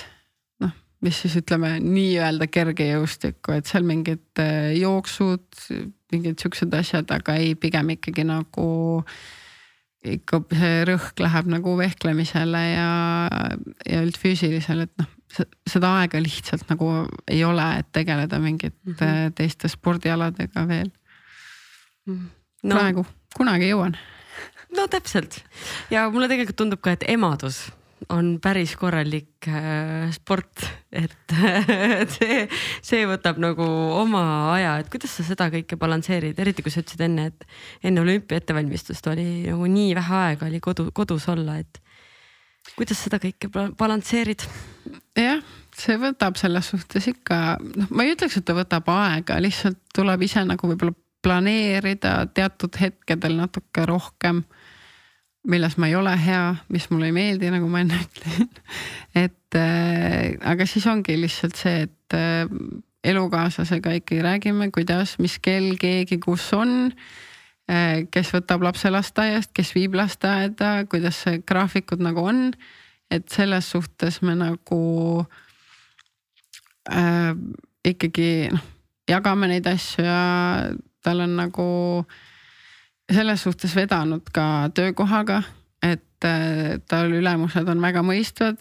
kui mind ei ole, siis ta saab lapse hommikuti viia lasteaeda ilusti, õhtul jõuab järgi. meil on ka abilisi väga palju tema pere näol, minu pere on Tallinnas ja veel tema osad sugulased on meid aidanud, et selles suhtes see taustajõud tegelikult äh, noh, mul on vedanud, mul on väga suur ja tänu sellele ma ilmselt äh, saingi olla seal, ma ei tea, viis päeva juunikuus kodus ja seda ka mitte järjest. oli see seitse, et see ei olnud korraga mm. -hmm. et äh, jah, see kõik ikkagi koondub sellele, et mul on nagu taustajõud ja ma tean, et äh, laps on hoitud, ma ei pea muretsema, kõik on korras. et äh, selles suhtes see on nagu minu jaoks üks väga suur rasvane pluss selle asja juures. Kui palju emaks saamine sind sportlasena üldse muutnud on? ja millises suunas? Ehm, kindlasti heas suunas alg-, võib-olla esimesed aastad muutis selles mõttes rohkem, et äh, mul ei olnud nii palju nagu aega mõelda nende spordiasjade peale nii-öelda või mingite tulemuste peale või mingite asjade peale, et mul oli väike laps. Ta ju esimene aasta käis minuga kaasas et siis oligi. igal nagu pool. jah, no ma ei käinud küll väga kaugetel etappidel selles suhtes, et Euroopa ja niimoodi ta ikka käis jah, kuna ma ise teda toitsin esimene uh -huh. aasta, kolm kuud, siis ta oli minuga kaasas, et see oli mul nagu sihuke veits kinnisidee. et kui mul on see võimalus, siis ma seda teen kes see siis vahepeal kussitas, Nikolai või? ei see siis pudeliga seal kõrval? ei, sel ajal ma elasin veel Haapsalus, aga mul oli äh, ämm oli enamus aega kaasas ja siis äh, tema oli lapsega ja kui oli vaba hetk, siis peale matši jälle võtsin, võtsin selle varustuse maha ja käisin riietusruumis lapsega, et selles suhtes see nagu võttis väga palju pingeid maha.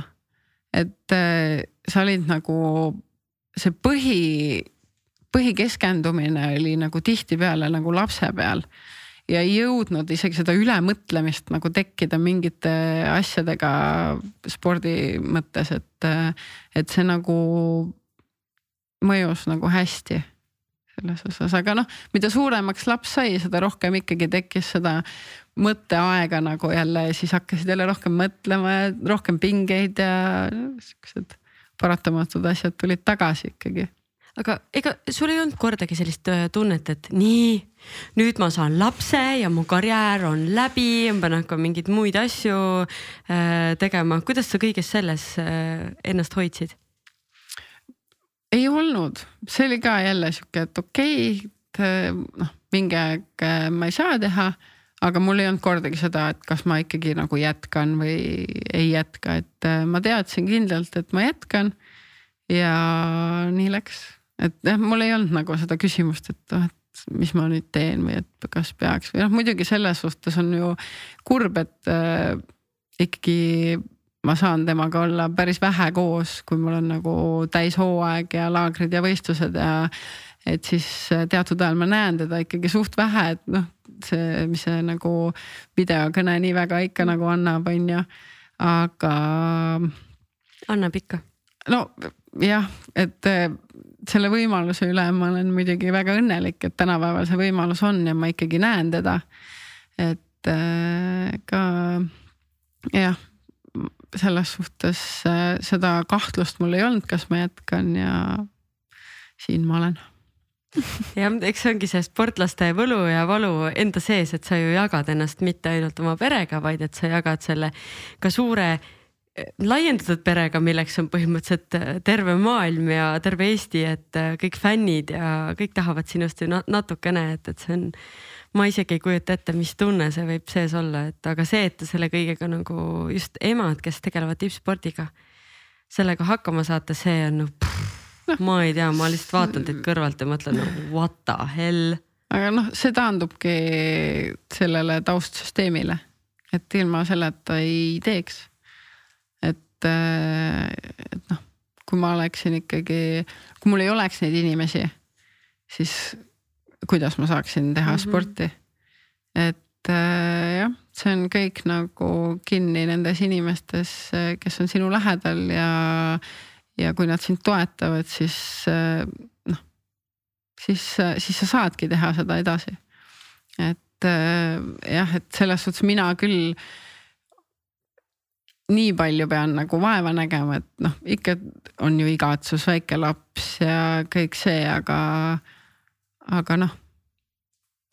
ongi, helistad jälle ja räägid ja selles suhtes nagu me ei ole ka nii palju ära, et me oleks kuid ära või niimoodi, et ikka näeme ja, ja jah, et äh, on, on raskemaid hetki, on kergemaid hetki, aga jah, ilma, ilma nende inimesteta enda ümber ma, ma ei teeks midagi.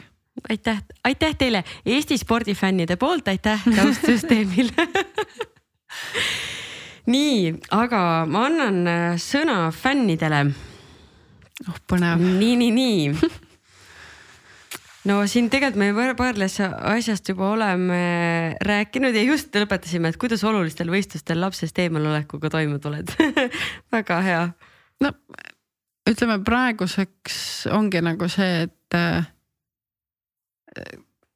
nagu sa oled äh, nii-öelda teises maailmas, sa oled teises keskkonnas, su mõte on ikkagi võistlustel, noh peab olema võistlused, sa pead ikkagi jõudma sinna, et äh, sa saad aru, et nüüd ma olen siin. Ja üks mõte on ka see, et noh, kui ma juba olen kodust ära, et siis better be worth it on ju mm. -hmm. et, äh, et pingutadki seal äh, nii kaua kui nina verist, verest väljas on ju, et see, et see aeg ei oleks nagu raisatud mm. -hmm. ja siis sa oledki, oledki oma mõtetega seal, kus sa oled antud hetkel ja kui see on läbi, siis lähed jälle koju ja. See on megaoskus, mida tegelikult äh, iga inimene võiks õppida, ma arvan, et äh,, et kuidas nagu fokusseerida hetkes olles sellele ühele asjale, mida sa teed ja lükata nagu kõik muu välja.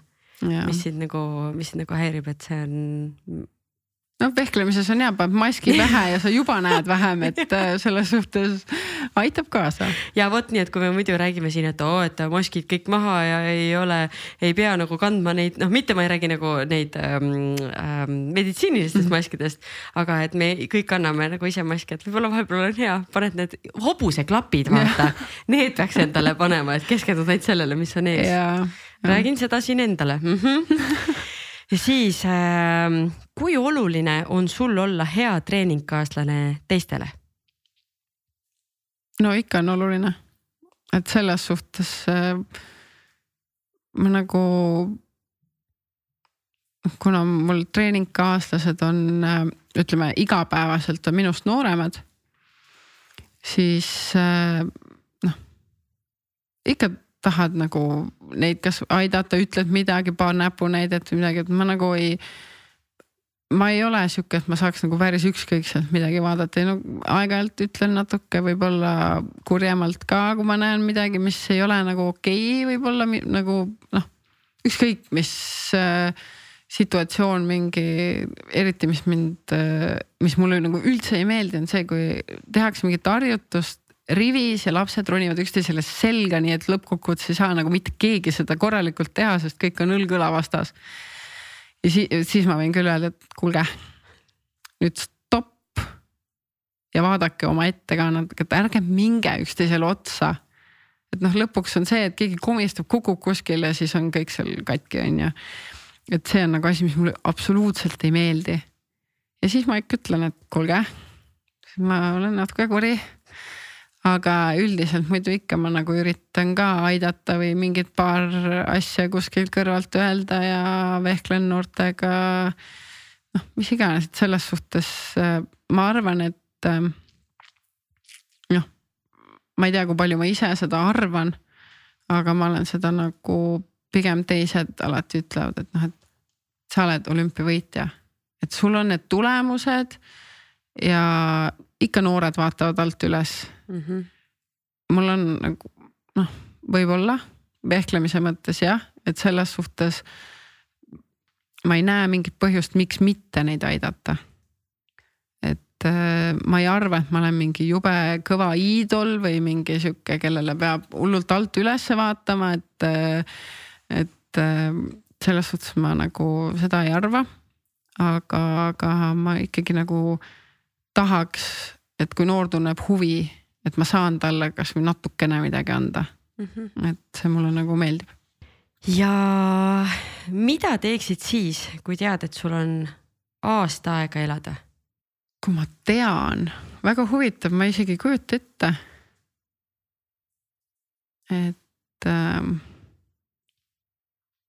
hm, mis ma ikka teeks, oleks perega ja, ja, ja üritaks nagu teha neid asju, mis nagu teevad mind nagu õnnelikuks.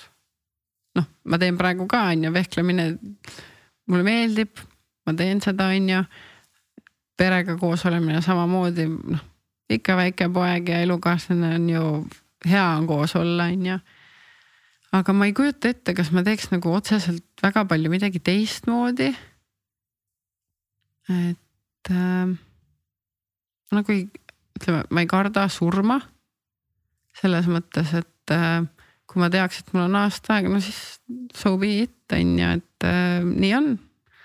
ja lähen oma eluga selle aasta võrra nii-öelda edasi ja, ja jah nii ongi, siis ongi, siis ongi teed seda, mis sa praegu teed, jah, jah. et siis elan selle aasta uhkelt lõpuni ja lähen, et mm. -hmm jah, et äh, see aasta lõpp oli sihuke kurb minu jaoks ja see, see, ma arvan, nagu noh, muutiski minu jaoks päris palju ja see oligi vist üks nagu sihuke asi, ma nagu, ma ei karda surma. et kui ta tuleb, siis ta tuleb ja nii on, et mm -hmm. ma arvan, et äh,. tuleb nautida seda, mis on praegu. just, et me ei tea kunagi mitte keegi, millal see täpselt mm -hmm. tuleb ja elame mm. -hmm. tsiteerides klassikuid, elame veel. Nonii, ja mul on siia lõppu sulle kolm äh, soovitust, õigemini küsin, küsin kolm soovitust sinu käest. üks teos, mida iga inimene võiks oma elus tarbida ja olgu see siis raamat, näidend äh,, seriaal, film, näitus, mis, mis iganes. seriaaliga kindlasti Viimane tants, The Last Dance äh, Michael Jordanist ja Chicago Bullsist.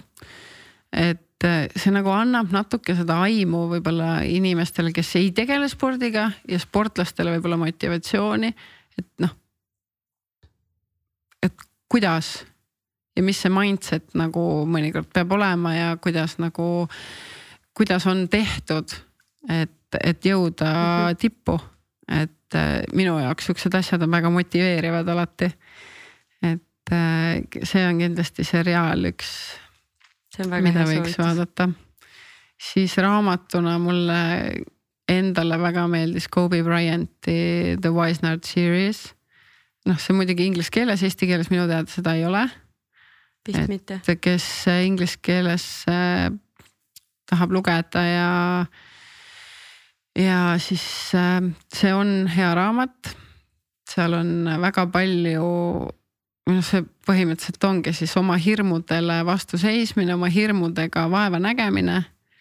et äh, soovitan, kindlasti soovitan ja ma, ma olen ise pigem tavaliselt sihuke biograafiate lugeja mingi Steve Jobsi raamat ka väga hea raamat näiteks, et just see, kuidas keegi on midagi teinud, et äh, et jõuda sinna, kus ta on. et äh, ma kuulsin ka, et see vendade pööderaamat pidi väga hea olema, ma eile ostsin endale selle mm., ma tahan seda lugeda. et äh, juba kuulsin ka, et keegi ütles, et ta nüüd vaatab sellele asjale hoopis teise pilguga. ja minu arust see ongi nagu ühe raamatu juures, kui sa loed kellegi noh biograafiat, siis see on või vaatadki seda viimast tantsu siis see, et sa saaksid aru, mida nagu tegelikult tehakse. see ongi põhiline mm.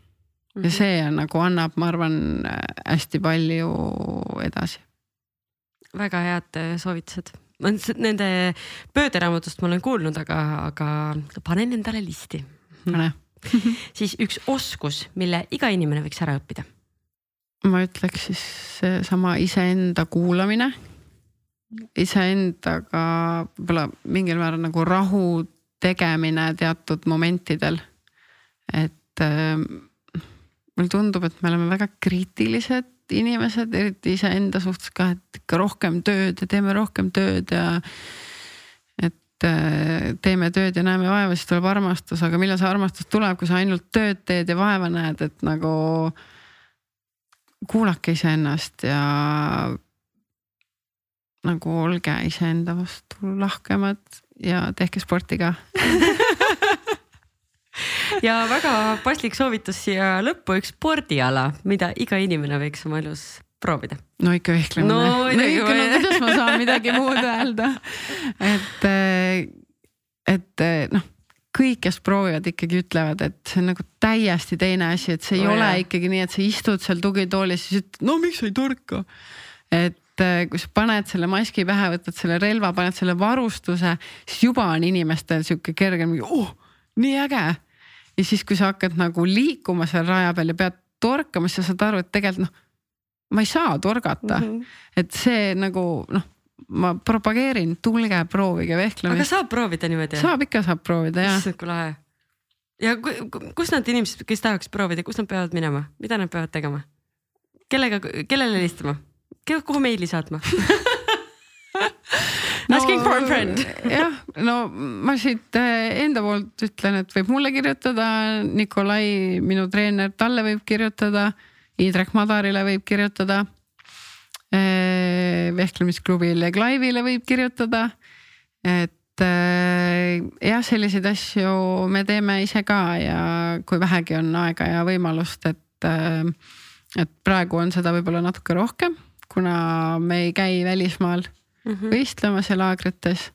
et, äh, et kirjutage, joonistage ja, ja helistage, et äh, saab sünnipäeva pidada, mida iganes, et äh, noh, lihtsalt tulge, tutvuge ja siis te mhm. saate aru, millega nagu, millega me päriselt tegeleme. uus kogemus, väga lahe kuule suur,, suur-suur aitäh sulle, et sa täna tulid ja nii lahe vestlus oli. tõesti nii palju ägedaid mõtteid, mõtteid endale ja ma usun, et kuulajad-vaatajaid, vaatajaid, keel on juba sõlmes pärast seda, said ka siit endale midagi kõrva taha panna. tõesti aitäh ja edu sulle järgmisteks mis iganes asjadeks ette endale võtad. aitäh, et kutsusite ja oli väga tore nii et järgmise korrani, olge tublid, tšau. sportland, Be First podcast